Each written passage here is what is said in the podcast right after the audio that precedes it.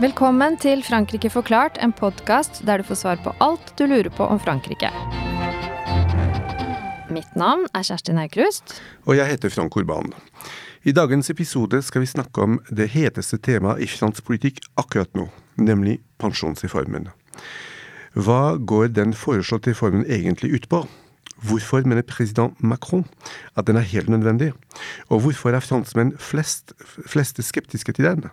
For å svare på disse spørsmålene har vi fått med oss Ida Helle. Velkommen. Tusen takk. Idar er historiker og jobber som utreder i De facto, kunnskapssenter for eh, fagorganiserte. Han har norsk og europeisk arbeidsliv og arbeiderbevegelse som sitt spesialfelt, og har i mange år fulgt fransk politikk tett. Han har vært gjest i podkasten vår tidligere, for et par-tre år siden. Da snakket vi om eh, fransk streikehistorie, og det temaet vil kanskje være relevant eh, også i dag. Det skal vi komme tilbake til straks, men, men først altså, Idar. Kan du forklare hva eh, dette forslaget til ny pensjonsreform innebærer? Mange av våre lyttere har sikkert fått med seg at det dreier seg om å heve pensjonsalderen fra 62 til 64 år, men det er også snakk om, om andre viktige endringer? Det, forslaget er faktisk forholdsvis enkelt. Det viktigste er dette med, med når en skal gå av. Altså å flytte pensjonsalderen fra 62 til 64 år. Og så er det òg et spørsmål om opptjening. Altså hvor lang opptjeningstid du skal ha for å få full pensjon. Da. Og Det er snakk om å øke det med ett år, fra at du må jobbe 42 til 43 år. Eh, og at dette da skal innføres eh, i 2027, mens det tidligere lå an til at det skulle være innføres i 2035. Eh, sånn at liksom Hovedelementene i forslaget er ikke så veldig mange og så veldig komplisert, men det er veldig hard kamp da, om dette, særlig med, med pensjonsalder. Mm. Vi husker jo at i Macrons forrige eh, presidentperiode så forsøkte han allerede da å få vedtatt en ny pensjonsreform. Og den skulle ta utgangspunkt i et allment eh, poengbasert system. Så ble jo, som vi husker, denne prosessen stoppet av, av covid-krisen annet. Men, men nå virker det som man har gått bort fra dette her med det allmenne poengbaserte. Hvorfor det? Nei, Det er jo litt vanskelig. Det er vel ikke på en måte sånn eksplisitt grunngitt. Eh, han holder jo fast ved noe av det, så vidt jeg har skjønt, men bl.a. at han ønsker å eliminere en god del av disse såkalte spesialregimene som er knytta til en rekke yrker og profesjoner i, i, i, Frankrike. Sånn at det er et element som, som ligger der nå òg, at en skal få færre av disse spesialregimene. Eh, men ellers er det vel rett og slett at eh, jeg tror han innser at hvis en skal få dette gjennom i nasjonalforsamlingen, så gjelder det å holde seg til noen veldig konkrete og for så vidt eh, omdiskuterte punkter, og heller gå for det enn å, enn å legge om eh, pensjonssystemet i stor stil. Fordi dette er jo kanskje det politiske spørsmålet som er mest brennbart i Frankrike og vanskeligst å gjennomføre. Så jeg tror at det, er noe liksom, det enkle er det beste, selv om det da er omstridt. Det er kanskje litt det en kan tenke seg. Mm. Det er mange som kritiserer den reformen. Eh, I opposisjonspartiene, fagforeningene. Eh, og de hevder at eh, den er urettferdig, og at den vil ramme skjevt. Er det noe i den kritikken? Hvem vil være taperne dersom reformen blir endelig vedtatt? Det en tror en kan si der, er vel at det, det går inn i det mønsteret en ser ved pensjonsreformer generelt. At det er de som ofte blir omtalt som sliterne i arbeidslivet. Altså de som har eh, begynt å uh, jobbe tidlig, og som er i tøffe fysiske yrker, og som blir slitne når en nærmer seg et sted mellom 50 og 60. Uh, de vil da på en måte Eh, måtte stå lenger i arbeid for både å nå denne nye pensjonsalderen, men òg ikke minst for å få denne opptjeningstiden. Eh, og så er det vel òg ingen tvil om at eh, pensjonsreformer har en egen evne da, til å ramme kvinner i arbeidslivet. Det er kvinner som på en måte både har eh, ofte minst opptjeningstid, tjener minst, og da blir hardest ramma. Og dette er jo noe en ser eh, både i Frankrike, men som egentlig er et generelt mønster med pensjonssystemet i, i den vestlige verden, og som òg kan videreføres i tilsvarende i Norge. Um, En ting som, eh, som jeg noterte i hvert fall i debatten, er jo kanskje som er litt forskjellig fra Norge, var jo at uh, det er vanskelig for utlendinger å skjønne hvorfor det, så, det skal være så vanskelig å, å, å, jobbe til man er 60 år. Men er ikke, ikke spenningsnivået på det franske arbeidsmarkedet slik at det å bli tvunget til å jobbe to til blir oppfattet av mange som helt uakseptabelt pga. arbeidsforholdene og klimaet på arbeidsmarkedet? Jo, det tror jeg du kan si. At, at jeg tror at mange franskmenn og mange arbeidstakere i Frankrike har et annet syn på både det å stå i arbeid og arbeidslivet generelt enn det en har i, i, i Norge og innenfor det en kan kalle for en skandinavisk eller nordisk modell. Men, men jeg tror vi må òg tenke litt at, at det å stå i arbeid til du er 65 eller opp mot 70, sånn som en gjerne gjør det i nordiske land, det er jo ikke sånn at det blir oppfatta som et ideal i Norge. Og jeg tror det kanskje blir litt på en måte holdt nede hvor, hvor mye motstand og, og på en måte ja, rett og slett problemer det knytter til høy pensjonsalder også i Norge og de skandinaviske land. Dette er jo en debatt som går konstant i LO, som går i måte, de store forbundene der, men som kanskje ikke på en måte når offentligheten i så stor grad. og det er heller ikke på en måte protester på samme måte, fordi alt dette blir ordna internt mellom LO, mellom arbeidsgiversiden, mellom myndighetene så langt. Men, men dette er jo òg noe som har vært en stor mobiliseringssak i Norge.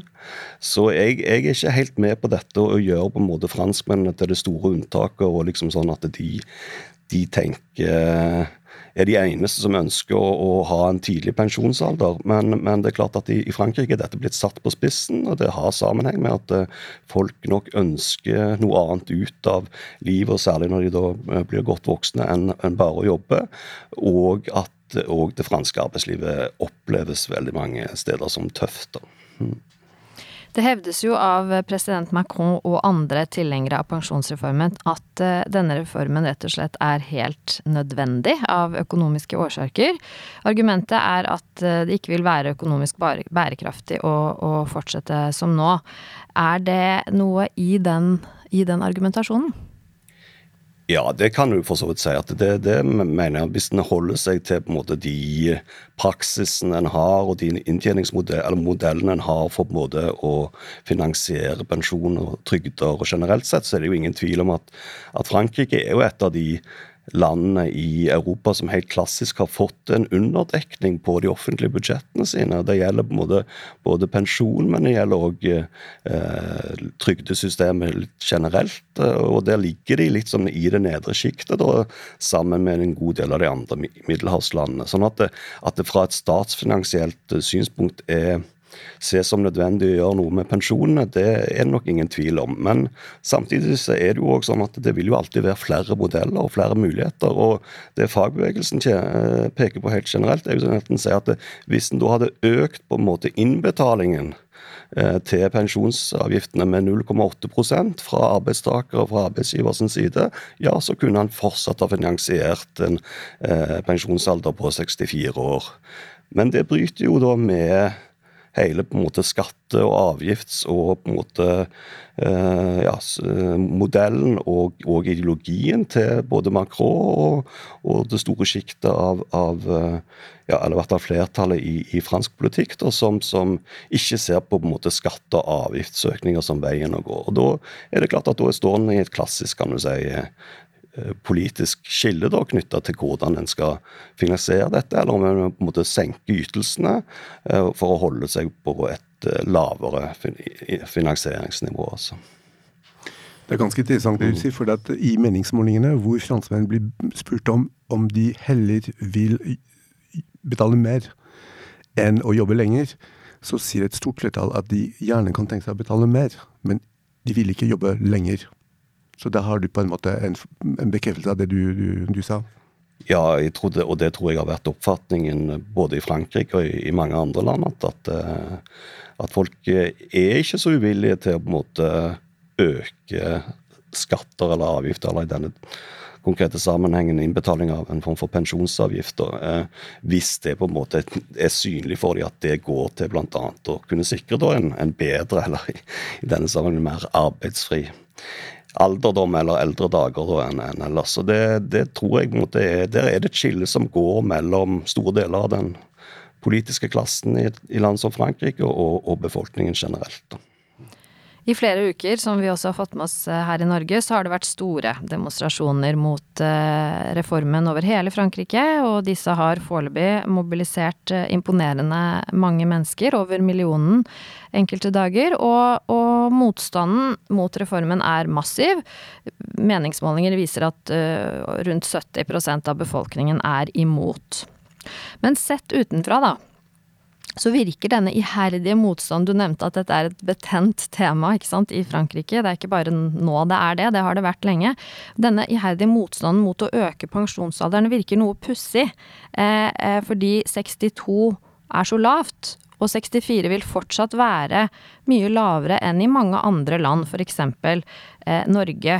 Hvordan kan man forklare denne, denne sterke motstanden blant franskmenn flest mot å øke pensjonsalderen?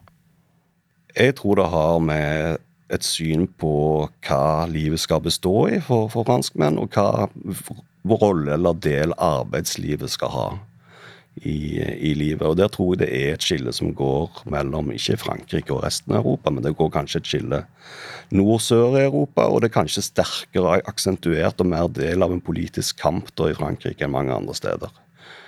Men hvis en på en måte tar et lite perspektiv det tror jeg kanskje vi kan tillate oss. Altså Hvis vi velger å gå en generasjon tilbake i tid, hvis vi går til 60- og 70-tallet, og på en måte hadde stilt befolkningen et spørsmål om eh, Tenker du om en generasjon eller 20-30-40-50 år framover at du skal jobbe mer eller mindre nå, eh, eller i framtida enn du gjør nå? Og tenker du at eh, pensjonsalderen, det at du på en måte skal kunne ta liksom sånn, slutte å jobbe og kunne drive med, med andre ting eh, mot slutten av livet, tenker du at du skal ha mindre eller større mulighet til det enn før? Jeg tror at svaret på det er ganske åpenbart at det ville være for veldig mange. At en tenker seg at eh, det å gå mot mindre arbeidstid, altså ukentlig arbeidstid i Frankrike med 35-timersreformen på 90-tallet osv., og, så og det å gå mot lavere pensjonsalder tror jeg var ikke noe som bare franskmenn så for seg men som på en måte nesten var universelt i befolkningen. Det var jo den måten det skulle gå på. Det var sånn utviklingen hadde vært i første halvdel av 1900-tallet og helt fram til 76-tallet.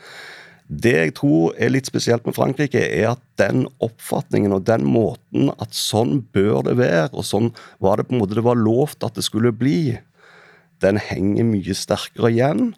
Og fordi sosiale bevegelser og sosiale spørsmål i Frankrike ofte ikke kan tas ut på så mange andre spørsmål enn disse spørsmålene her knytta til det offentlige trygdesystemet, pensjonssystemet, så er det noe sånn at da skjer det en maksimal satsing på dette.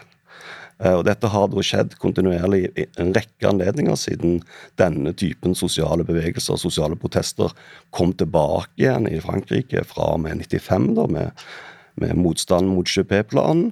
Eh, og nå har du faktisk fått en mobilisering som går utenpå mobiliseringen mot ČP-planen på midten av 90-tallet. Så dette er kanskje blitt den sterkeste bevegelsen, da, hvert fall siden da. Og den kommer til uttrykk knytta til pensjon, og den er jo òg, som med tilfellet var med de gule vestene, har òg ganske sterke elementer av å være en anti-Macron-bevegelse. Hmm to, to, små kommentarer. Eh, det som er interessant i den saken, er jo at rapporten, hovedrapporten som ligger til grunn for, eh, for eh, reformforslaget, er jo eh, lagd av KOR. Og KOR eh, skisserer opptil 108 scenarioer. Eh, og, og, og, konkluderer ikke med noen ting. Og sier at det er for så vidt ingen umiddelbart behov for en reform. Eh, men gitt en del trender i fremtiden. Altså vi snakker om utviklingen av befolkningen, dødeligheten, øh, i hvilken grad man skal ha innvandring eller ikke, så vil behovet være mm, større eller mindre. Men det er ikke konsensus om hvordan den rapporten skal tolkes, og om konklusjon, hvilken konklusjon man skal trekke. Og man jeg vet ikke hva du syns om det, men det føles på en måte at man har truffet et, et, et ideologisk valg. Eh, det er det første som jeg kunne tenke meg at du kommenterer. Og det andre er jo at å forlenge arbeidstiden for franskmenn i et land hvor du ikke får jobb når du er over 50, eller hvor det blir veldig vanskelig, det høres litt eh, ulogisk ut for veldig mange som opplever nettopp den situasjonen at når du passerer 50, så er det ingen som vil ansette deg. Ja, nei, jeg tror du, tror du, har rett i dette. For meg så virker det jo ganske klart at, at her er det en del politiske valg, og at de òg selvfølgelig støttes opp av embetsverket og teknokratiet. og Det er vel òg et poeng som jeg ikke tror vi helt skal la glippe. At, at dette er jo kanskje en måte som embetsverket og teknokratiet fungerer mer og mer på, ikke bare i Frankrike, men i store deler av den vestlige verden. At det ligger ganske mye valg som blir allerede tatt i det systemet der. altså Hvis du tar en ting som f.eks.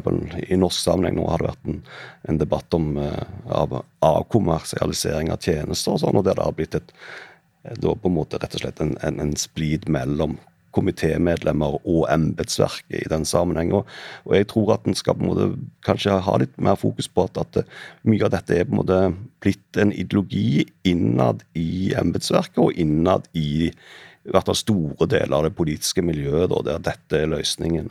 Uh, og uh, det er jo interessant sant, å se at dette er jo på en måte forslag og en utvikling som går på tvers av alle de forslagene og all den debatten som ikke minst i Frankrike, men i store deler av den vestlige verden har vært rundt mot forslagene til Thomas Piketty. sant? som går i stikk motsatt retning, som peker på at du nettopp ved en høyere finansiering, eh, mer måte rettferdighet både knytta til inntekt og formue, så kunne du ha løst disse spørsmålene ganske enkelt. Men i stedet så spisses det mer og mer i retning til at en skal ha lavere ytelser og lavere innbetalinger fordi det tjener konkurranseevnen. Og jeg tror jo det òg ligger for Macron, altså hvor på en måte sånn ultraliberal han er i denne typen økonomiske spørsmål. og Han, han tenderer kanskje til å gå nokså langt i den retning, men jeg tror jo òg det er et ønske om at skal på en måte Frankrike ha den dominerende rollen innenfor EU, i Europa og internasjonalt, ja, så må de kunne, også kunne rydde opp i eget hus. Jeg tror det ligger alltid en på en måte implisitt uttalt sammenligning, ikke minst overfor Tyskland, da, i denne typen spørsmål. Ja. Men I den saken så har eh, den motstanden mobilisert mange franskmenn, som har demonstrert massivt eh, annenhver helg, eller i hvert fall fem ganger totalt. Og så fagforeningene. De er samlet mot reformen, og opposisjonspartiene, som alltid sliter med å bli enige om noe, de er i hvert fall enige om at de skal ikke ha noen ting av, av det lovforslaget. Hva sier dette om, om motstanden? Ja, Motstanden er jo imponerende på det du sier. Altså, det er en enhet her i sak som er veldig sterk, og som er ny, eh, og som ikke har vært der på veldig lenge. Men så ser jeg nå, da, og det har kanskje vært en utvikling som har kommet seg inn de siste dagene, at nå begynner det å bli en ganske stor grad av eh, allikevel uenighet om form og metode. Ikke minst i forhold til det som har skjedd i parlamentet. Det kan man kanskje komme litt tilbake til. Men for å ta det første da, knytta til enhet i sak, så har altså alle de store fagorganisasjonene her gått sammen om at de går imot denne økningen av pensjonsalderen. Og eh, bare for å ta det, sant, altså Frankrike har jo mange fagorganisasjoner, men det har vært fem av de som har et klassisk institusjonalisert forhold til at de får lov å opptre som på en måte sosiale partnere for myndighetene, og alle disse fem har gått imot. Eh, det er to av de som er større enn de andre. Det er den klassiske CCT, CGT, som også er den mest kjente, og som har vært den mest venstreradikale tidligere, knytta relativt tett opp til kommunistpartiet. Men du har òg CFTT, da, som er et mer ja, eh, sosialdemokratisk, sosialliberalt eh, fagorganisasjoner, som kanskje er mye mer der vi ville plassert LO i Norge. da, Har mye mer likheter med CFTT, tror jeg du kan si, enn en CCT. Og det er da CFTT som denne gangen har lagt seg på samme linje som de andre. Og Det er et stort skille også i forhold til 95, men òg i forhold til veldig mange av de andre sosiale reformene som har kommet og gått og kommet og gått i Frankrike siden 95 og fram til nå. Og, og CFTD har da valgt den rollen her, og det har gitt en styrking av bevegelsen og en enhet i bevegelsen som tror jeg på en måte er veldig på en måte positiv for, for, fag, for fagbevegelsen. Eh, og så har òg eh, hele venstresiden gått samla mot dette i denne nye alliansen sin NUPES. da. Eh, eh, men det har da oppstått en, en, etter hvert en uenighet om valg av metode. I tillegg til disse demonstrasjonene, så har jo da fagbevegelsen også tatt i bruk streik som eh, virkemiddel, annet i, i transportsektoren. Hvor viktig er dette, tenker du, i, i den eh, motstandskampen mot reformen? Jeg tror jo det er viktig fordi det er et uttrykk for at da bremser aktiviteten ned, og da får dette umiddelbare virkninger som er veldig synlige på gatene og i byene og i det franske samfunnet. Eh, så er jo disse som oftest kortvarige. Sant? De er da for én dag, og, og, typisk for både jernbanen og, og, og, kollektivtrafikken i Paris-området. Og så klarer en kanskje å stenge ned 70-80 av det, og, det merkes jo. Så jeg tror det er veldig sånn, gjør det synlig, og det er klart at det vil jo òg kunne spille inn økonomisk. Eh, så det er jo en form for eh, støttestreiker, der det er den delen av franske arbeidslivet som fortsatt er mulig å mobilisere til streik, som tar brodden, eller tar går i, i føringen der. Eh, og så har, har det jo noen ganger utvikla seg videre. sant? Du har jo dette når en begynner å stenge ned um, oljeraffineriene og en begynner å stenge ned energi og sånn, så begynner det å bli virkelig alvorlig, da. Det har jo skjedd. Blant annet var det jo en veldig hard batalje når Sarkozy var, var president, når de begynte å stenge ned det meste av oljeraffineriene. Og da gikk det jo temmelig hardt for seg. Så det kan også skje? Nå. Det kan skje, og det er nå en veldig hard debatt innad i fagbevegelsen og i hele tatt hvilke metoder en skal bruke. fordi oppfatningen sånn som jeg har forstått det nå, er jo at en ser at det som har skjedd så langt, vel, det biter ikke på Macron. Macron er vant til å møte veldig sterk og veritabel motstand. Eh, og på en måte opptøyene, eller opprøret til de gule vestene, som vi jo husker, hadde jo en helt annen side ved seg. Var jo mye mer truende på mange måter for regimet og for Macron enn dette. For selv om det er veldig mye folk i gatene, så er det ikke sånn at direkte på en måte Eh, ja, det oppfattes ikke som like sånn truende for regimet, da, eller, eller, skaper ikke den samme reaksjon, frykt, redsel, eh, splitting i befolkningen som, som skjedde da. Hmm. Så er det en ting som er veldig viktig å påpeke. Det er jo at mange la lar være med å streike, for de taper jo penger når de streiker. Eh, og Derfor har fagforeningene lagt inn eh, eh, altså streikdager i helgene og demonstrasjonsdager i helgene for å sørge for at flest mulig blir med. For de vet at streiker man, så går det på bekostning av egen økonomi. Det var, det var så snakk om generalstreik i mars hvis ikke den politiske prosessen går videre. Hvor, du, hvor sannsynlig tror du at, at man kan få en generalstreik? Ja, det er snakk om 7. mars som nå den neste datoen han har pekt ut. Og da er liksom sånn parolen at da skal Frankrike stoppe, da. Eh, og Det blir jo interessant å se. det. Da vil en jo på en måte få testa ut på en måte hvor sterk eh, eh, fagbevegelsens evne til å, å faktisk gjennomføre en, en, fullstendig streik er. Eh, den vil nok litt sånn som du var inne på, den vil ramme transportsektoren, den kan være energisektoren. altså Disse delene av av offentlig sektor og noen deler av private, der fagbevegelsen fortsatt er så sterkt eh, implementert at den kan eh, få gjennomført. Men, men uh, utover det, da vil det jo kreve det at vanlige folk som stort sett ikke er fagorganisert, rett og slett følger parolen og oppmøter og sier at ja, nå går vi ut i en dags streik den dagen. Og det er det, det, kan jo skje i mer eller mindre grad. Eh, jeg tror nok at det kan skje større muligheter for at det skjer denne gangen enn i mange andre tilfeller. Det er ut ifra det som vi har vært litt inne på, mobiliseringen. Altså mobiliseringen i Paris har vært veldig sterk i denne uh, runden her med aksjoner mot pensjonsformuen. Og mobiliseringen i små og mellomstore byer i det liksom rurale eller liksom uh, provinser langt fra Paris har òg vært veldig stor sammenlignet med, med, med, andre bevegelser. Sånn at en her treffer en andre grupper, andre samfunnslag, enn i noen av de andre tilsvarende bevegelsene har hatt tidligere. Eh, mens mobiliseringen ble regna for å være litt under det en hadde forventa i sånn typiske steder med klassisk sterk fagbevegelse og venstreradikale røtter. da, altså Marseille, Toulouse, Lille, Lyon. Eh, så er det liksom sånn eh, Her er det liksom ja, La France Profonde, altså en form for mobilisering i, i, ute i samfunnet som er sterk, og som kan få betydning den 7. mars. Da. Men at det skal skje en streikebevegelse som går utover én dag, og som lammer Frankrike over lengre tid, vel, det tror jeg er lite sannsynlig. Vi er liksom ikke på 1968-nivå. Da skjedde jo det. Da var jo seks til ti millioner franskmenn ute i streik i ukevis, og en på en måte la på en måte Frankrike Ja, altså da, da la ned arbeidslivet, nærmest. altså. Hmm. altså ting er Gattas parlament, en annen ting er den eh, kampen som foregår i, uh, i det faktiske parlamentet, altså nasjonalforsamlingen og, og senatet. Eh, for det er jo til syvende og sist her kampen om reformen til slutt skal avgjøres. Vil Macron få flertall for reformen eller ikke? Kan du fortelle oss litt om hvordan den parlamentariske debatten om reformen har vært så langt?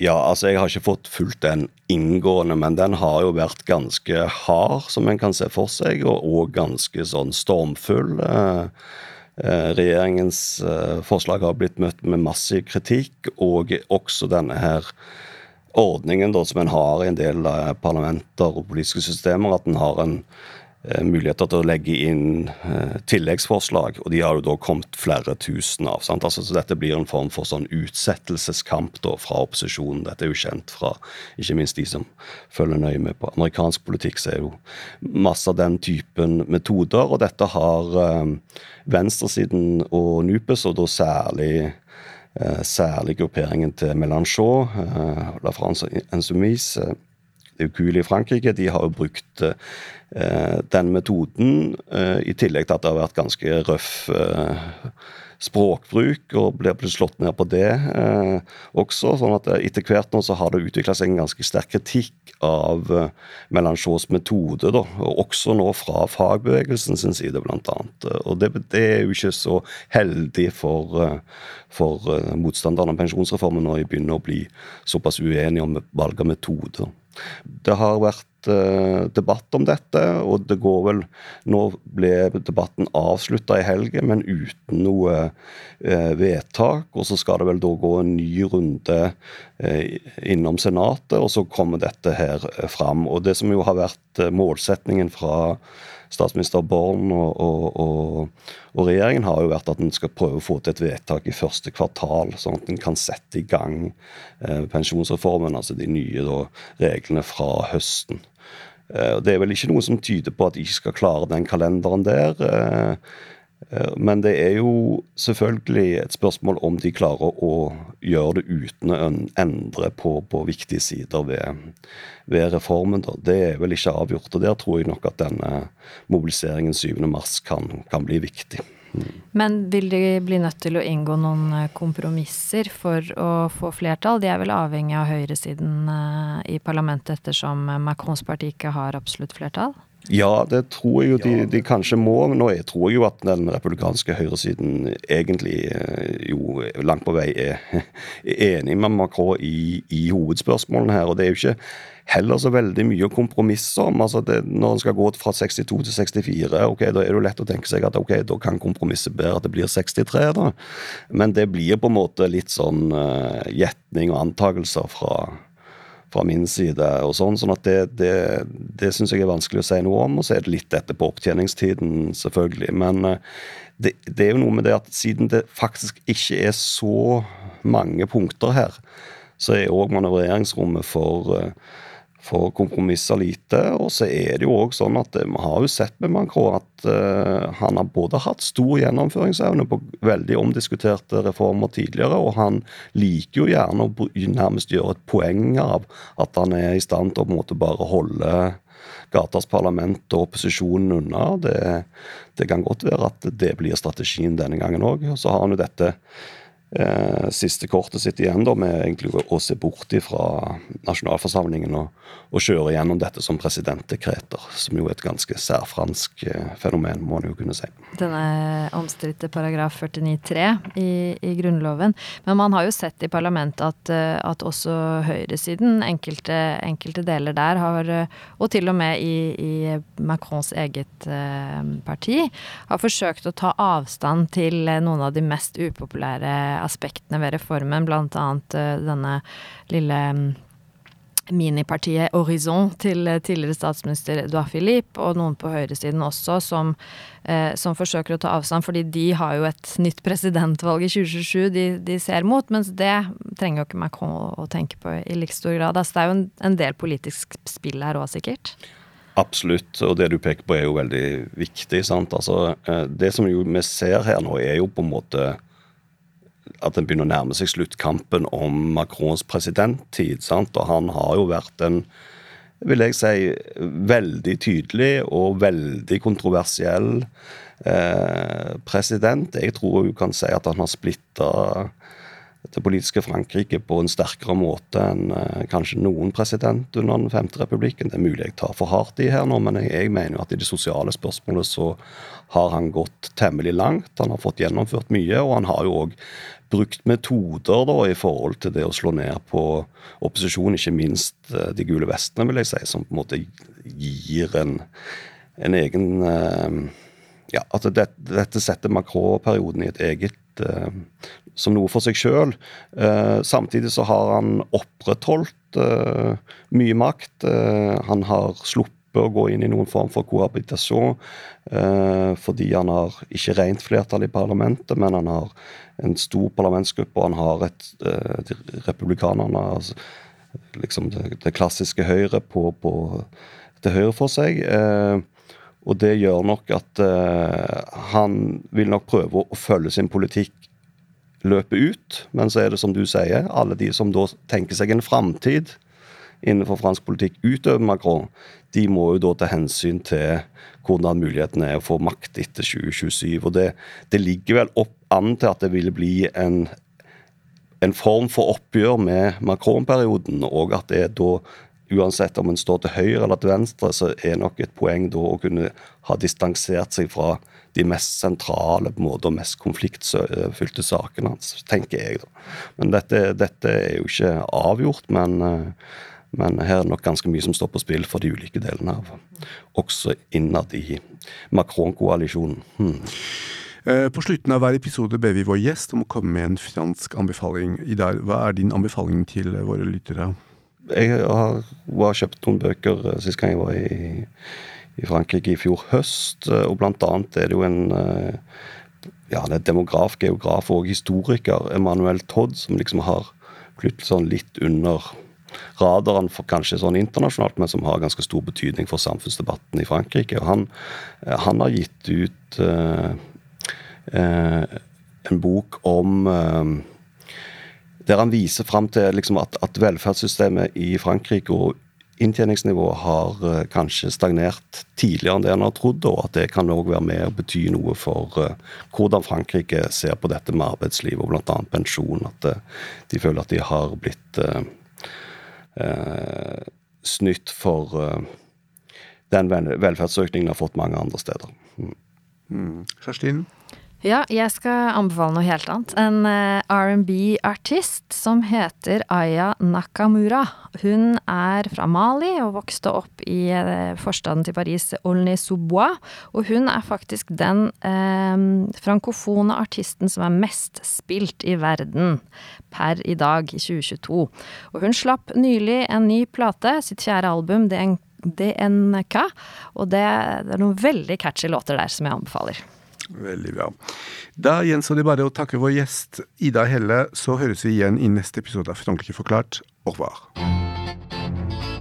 Frankrike forklart er et samarbeid mellom Universitetet i Oslo og Høgskolen i Østfold. Podkasten er støttet av Det norske universitetssenteret i Paris og Institut Francais i Oslo, og har full redaksjonell frihet. Abonner på Frankrike forklart på iTunes, Spotify eller på andre plattformer der du lytter til podkast. Har du kommentarer til oss eller forslag til temaer vi bør ta opp, kan du sende inn det via vår Facebook-side Frankrike forklart. Alle dagens referanser ligger på denne Facebook-siden og på nettsiden vår. Vi skriver en kronikk i forbindelse med hver episode som belyser dagens tema fra en litt annen vinkel. Kronikken finner dere på forskning.no, Transitmagasin og på nettsiden vår.